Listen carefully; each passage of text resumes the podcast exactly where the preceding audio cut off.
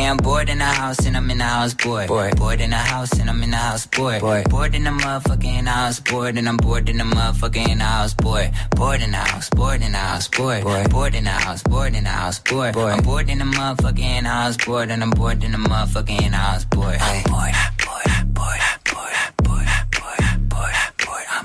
Som al suplement, som a Catalunya Ràdio, som de confinament. Alguns de vosaltres aquesta cançó potser us sonarà, altres fins i tot us la, no us la podreu treure del cap i també molts de vosaltres segur que també és la primera vegada que la sentiu. És una de les cançons que més s'utilitza a TikTok, aquesta xarxa social que sembla territori de la generació Z, però que cada vegada està guanyant més adeptes. Avui al suplement volem mirar d'entendre què és TikTok, com funciona i per què triomfa tant també durant aquest confinament. És per això que a aquesta hora saludem la Liliana Arroyo, que és eh, doctora en Sociologia, experta en la transformació digital i impacte eh, social, i també l'Alessandro Bernardi, que és analista de social media i cofundador de Social Elephants. Uh, bon dia a tots dos, com esteu?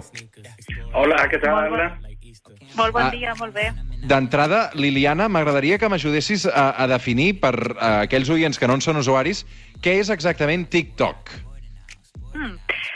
Bona pregunta i, i a vegades costa de definir si no l'has vist mai, però bàsicament és una xarxa social on tu entres i trobes una mena de carrusel de vídeos, que són vídeos molt curtets, que tenen entre, entre uns 15 i uns, i uns 60 segons, i la gràcia que té TikTok és que està dissenyada per, per fer reptes, per fer... Sempre són, sempre són vídeos que tenen elements musicals, no?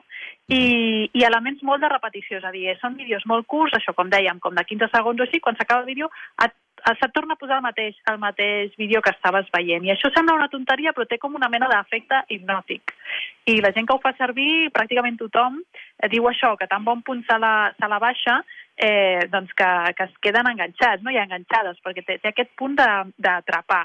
I això té a veure també amb el, amb el disseny no? que, està, que, que hi ha darrere d'aquesta aplicació, perquè està molt ben pensada per consumir des dels mòbils, que és on aquesta generació que dèiem jove, eh, des d'on més consumeix. Però ara amb tot el tema del confinament doncs, i la intensitat digital, els adults també estem mirant molt més les pantalles dels mòbils. Mm. Uh, Liliana, e- és gratuïta? Sí, és una aplicació gratuïta i de fet pots entrar i veure, i veure vídeos sense, sense fins i tot registrar-se com a usuari, és a dir, tu no cal que tinguis un usuari creat, seria com Twitter, no? diguéssim, és prou oberta, però en el moment en què tu et crees un usuari, doncs òbviament entren aquí en, en joc els algoritmes i etc. I, i llavors doncs et va afinant el que t'ensenya i el que no t'ensenya en funció també dels seguidors i així.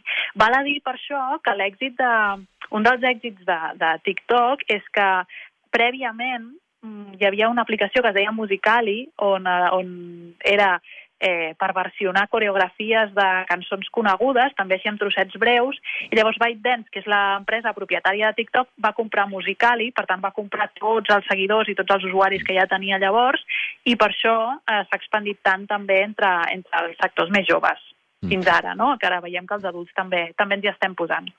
Alessandro, quant temps fa que és popular entre els joves TikTok?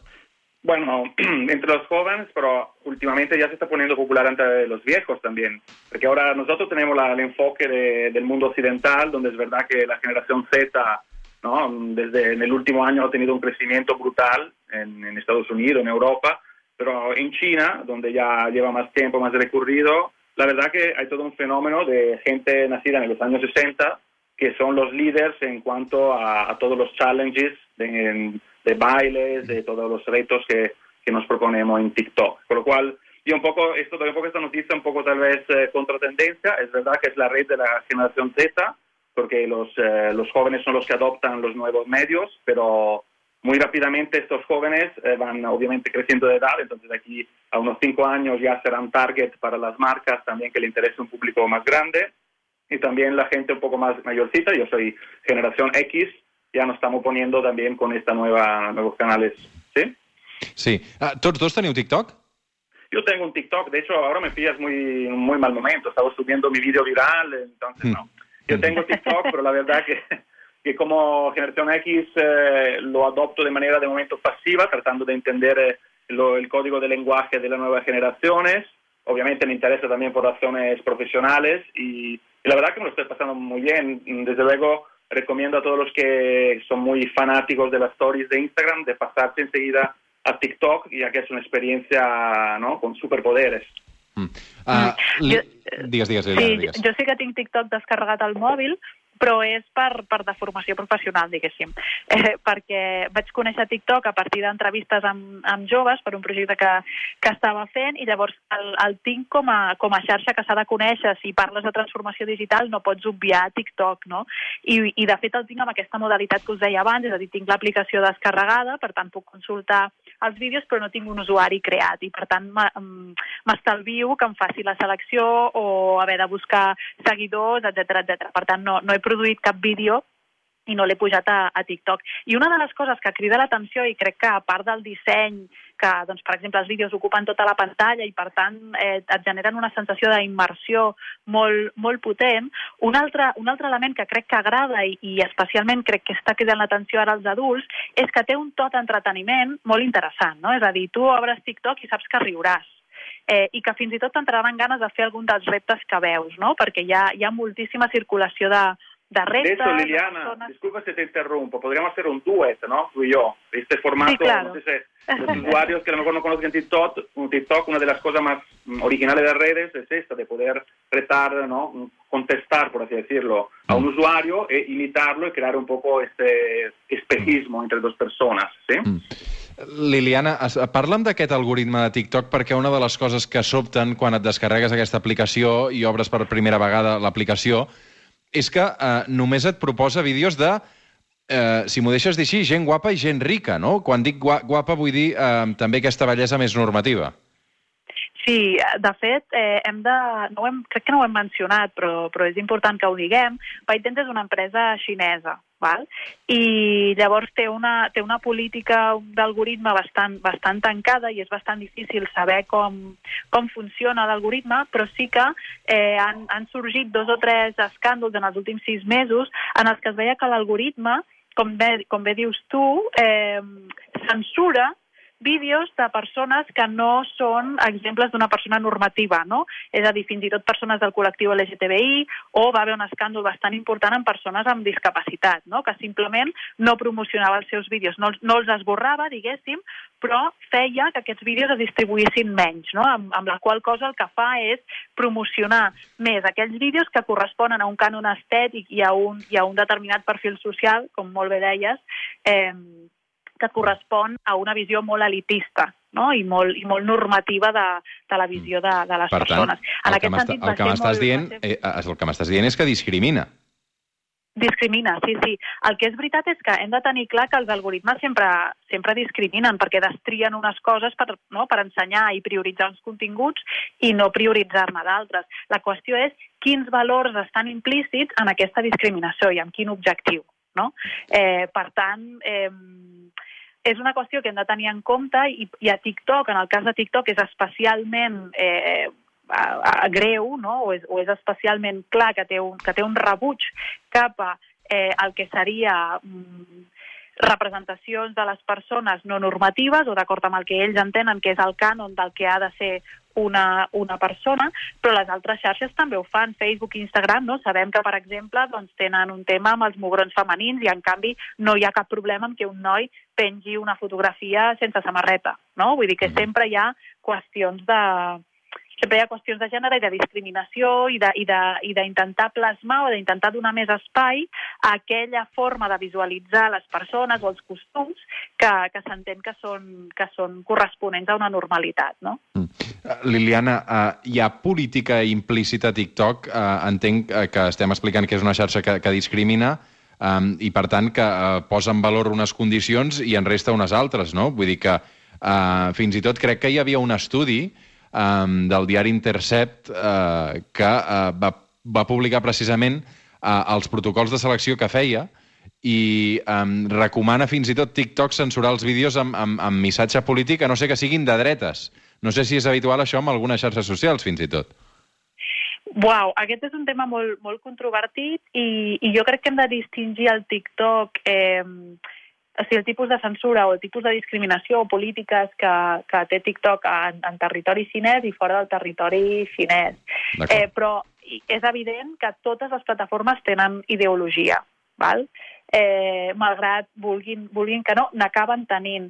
I hi ha una raó que ho explica a TikTok i fora de TikTok. No? És a dir, les xarxes socials són espais on el que volen és capturar la nostra atenció. No? Llavors ens ofereixen un escenari i un altaveu perquè nosaltres expliquem el que vulguem per convertir-nos en protagonistes d'aquell espai però al final el que volen és captar la nostra atenció i que nosaltres captem la d'altra gent perquè estiguin a la plataforma i puguin servir anuncis. No? Això l'Alessandro ho pot explicar segurament millor que jo, però al final són aparadors. No? I les marques el que van a buscar en aquests aparadors és que la gent faci clic, perquè cada clic els hi aporta diners. No?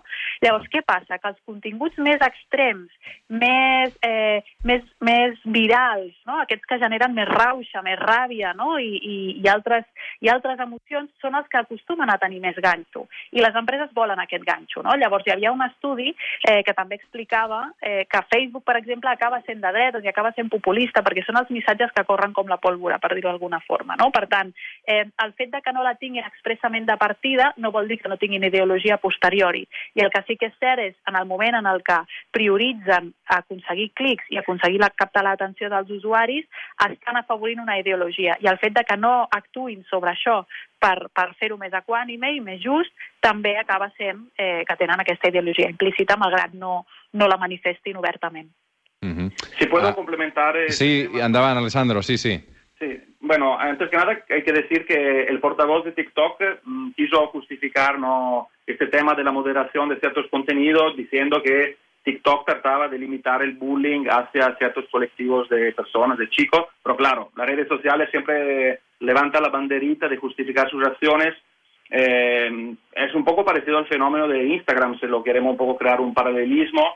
Instagram está haciendo un experimento masivo para ocultar el número de contadores de likes, ¿no? Esta noticia circuló bastante en las redes y una de las razones es también, supuestamente, para evitar que ciertas personas se sientan afectadas en la autoestima o tal, o, mm, por la falta o el exceso de likes según qué cosa. Entonces, eh, es una combinación de temas éticos y, desde luego, como decía Liliana, eh, el efecto de, de tratar de optimizar los algoritmos. Recordamos que además TikTok es muy, muy experimental en tema de cómo eh, decide mm, inyectar el contenido en, en tu feed. Eh, digamos que utilizas como unos contadores que, por ejemplo, Facebook e Instagram no usa. Y para ellos es muy importante, por ejemplo, ver si un contenido se vuelve a ver una y otra vez de manera repetida. Es muy importante ver si el contenido, se, eh, un vídeo se ve hasta el final. Entonces, eh, la lógica es maximizar el número de visualizaciones. Eh, TikTok al final censura todos aquellos contenidos que a ellos no le funcionan. Un poco maquiavélico, eh, a veces totalmente antiético, pero bueno, eso sí que funciona en las redes sociales a veces. Uh, Liliana Arroyo és doctora en Sociologia, experta en transformació digital. L'Alessandro Bernardi és analista social mèdia, cofundador de Social Elephants. Us agraeixo molt que ens hagueu il·luminat una mica sobre aquesta nova xarxa social, sobre TikTok. Uh, ara el que vull fer és conèixer casos uh, pràctics. Gràcies a tots dos companys. Una abraçada. Saludos. Gràcies a vosaltres, bon diumenge. Wow, you can really dance.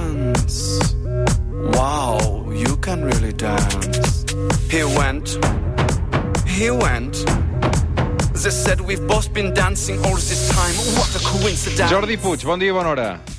Hola, bon dia. M'han dit que tu ets el rei del TikTok, Jordi. Bueno, eh, aquí a Espanya, a Catalunya, sí. En principi, fins que no ens atrapin, sí. Eh, Ets la persona que té més seguidors de tot l'estat? Sí, ara Quants, mateix sí. quants són aquests seguidors? Més de 15 milions. 15 milions de seguidors. Com s'aconsegueix tenir 15 milions de seguidors a TikTok? Uh, la veritat és que no ho sé i crec que ningú ho sap, perquè, com heu dit, l'algoritme no el coneix gaire ningú ni saben gaire com funciona, però el que sí que et puc dir és que la creativitat funciona a TikTok. Qualsevol cosa que sigui creativa uh, sol fer viral. Com t'hi vas enganxar, tu, Jordi? Com? Com t'hi vas enganxar, tu? Com ho vas descobrir? Quan temps fa que...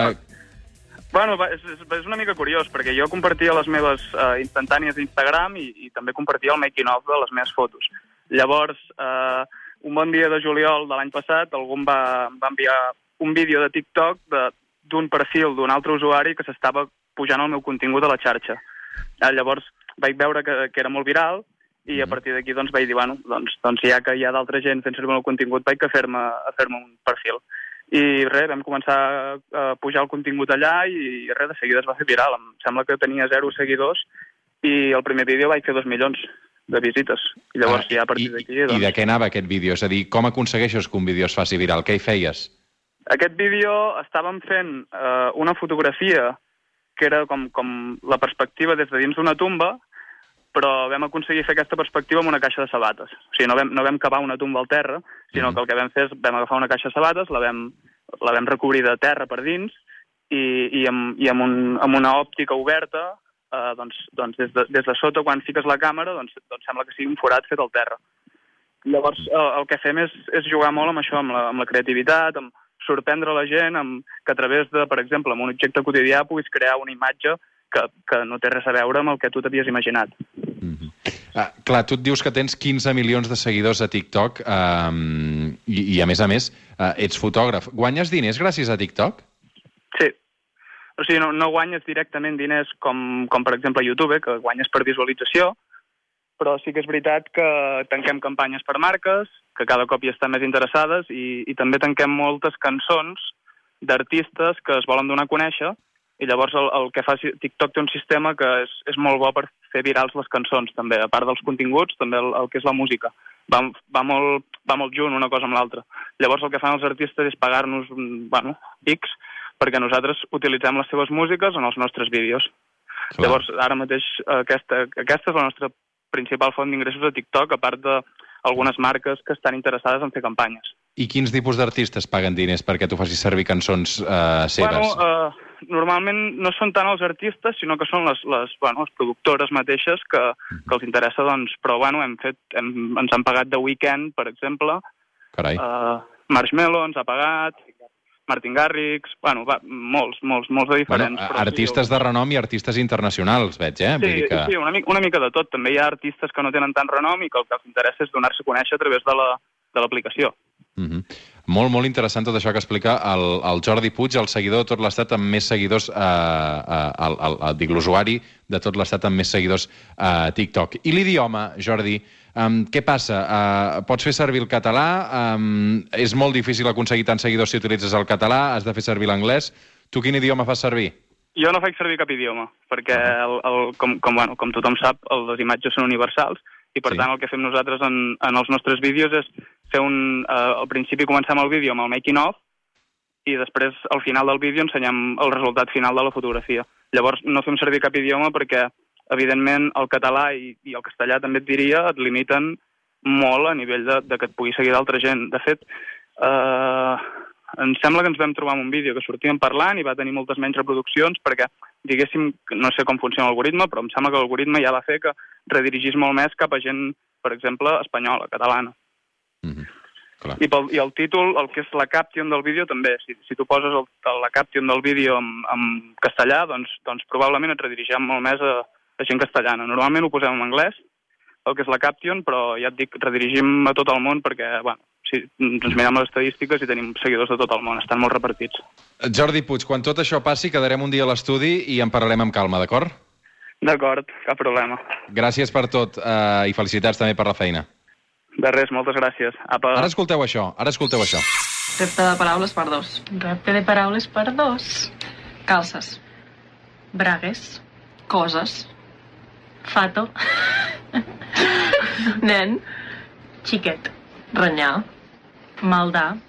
Uh, doncs. Pos. Síndria. Aquestes que sentiu són l'Aroa Garcia i la Paula Millan, dues amigues, una d'Amposta i l'altra de Girona, que han compartit precisament a TikTok, en aquesta xarxa social, un conjunt de vídeos en clau d'humor també que s'han fet virals i consisteixen precisament en això que esteu sentint, no? Reptes de paraules en què cadascun explica quin nom dona a determinats objectes o accions que depenen precisament de, de la seva regió i de la seva llengua. Escombra versus granera, ocell contra moixó, galleda i pobal, poma massana, eh, són alguns d'aquests exemples. Aroa, Paula, bon dia a totes dues. Bon dia. Uh, quin èxitàs que està tenint aquest vídeo. Fins i tot vaig veure que aquesta setmana l'havia compartit Carles Puigdemont, no? Sí, sí, és brutal. Bueno, encara, encara estem flipant. Sí, trobo que ninguna de les dues ens esperàvem que arribés on ha arribat, però, però superbé. Uh, Expliqueu-me d'on neix aquesta idea, perquè com us coneixeu, crec que més us va enganxar que éreu a Washington, no, tot això? Ah, sí. Uh, nosaltres ens coneixem des de farà uns 10 anys, som amigues des de fa molt de temps i estàvem les dues vivint als Estats Units. Um, estàvem confinades a Washington, D.C. i les dues estàvem pues, avorrides com tothom en aquest moment i pues, vam trobar que est estàvem mirant TikTok i vam trobar un vídeo de dues noies, trobo que una era de Sud- Sud-àfrica i l'altra era de, de, americana dels Estats Units, i vam fer el mateix repte i nosaltres pues, ens vam mirar i vam pensar estaria genial fer-ho les dues perquè tenim paraules i dialectes completament diferents i, i d'aquí va sortir. Uh -huh. uh, I a partir... Digues, digues. Nosaltres fa 10 anys que, que mos coneixem, no? I, I sempre hi ha alguna paraula que, per exemple, jo dic i Paula és com, com, com? Què has dit, no? I llavors vam pensar, pues seria graciós fer un vídeo sobre això, però no pensàvem en cap moment que arribés a tanta gent. Quanta gent l'ha vist, el vostre vídeo? El primer té més de 60.000 visualitzacions, però després van, van publicar-ho al Twitter i a altres xarxes i, pues, ni idea, moltíssimes Sí, crec que la gent... eh, Nosaltres vam publicar originalment a, TikTok, però després es va fer tant... O sigui, va agradar tant a la gent que la gent mateix va començar a compartir-ho a altres redes socials, tant com a Twitter i Instagram, el, com el Puigdemont. Totes dues sou a Catalunya, ja? Sí. Sí. Uh -huh. Uh, perquè, clar, um, la situació a Washington és la que és, també entenc, eh? Uh, i, I, clar, tot això us ha agafat. Uh, ara uh, entenc que esteu distanciades totes dues. Continuareu fent vídeos des de la distància? Clar, eh, abans d'estar a Washington ho fèiem juntes i vam pensar, bueno, quan tornéssim a, a Catalunya ja no en podrem fer més, no? Però la gent ne demanava més i vam haver de trobar una forma de, de seguir fent-ho. I doncs ho fem...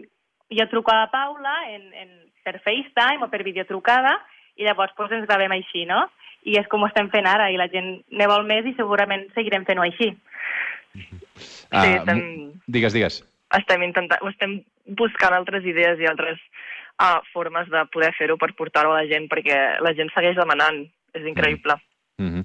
Són l'Aroa Garcia, la Paula Millan, eh, que són molt joves que utilitzen TikTok i que, a més a més, tenen aquesta riquesa lingüística eh, del que conforma també la nostra cultura, no? eh, que és d'una mateixa llengua, doncs eh, les diferències i, i, i els matisos de cada regió.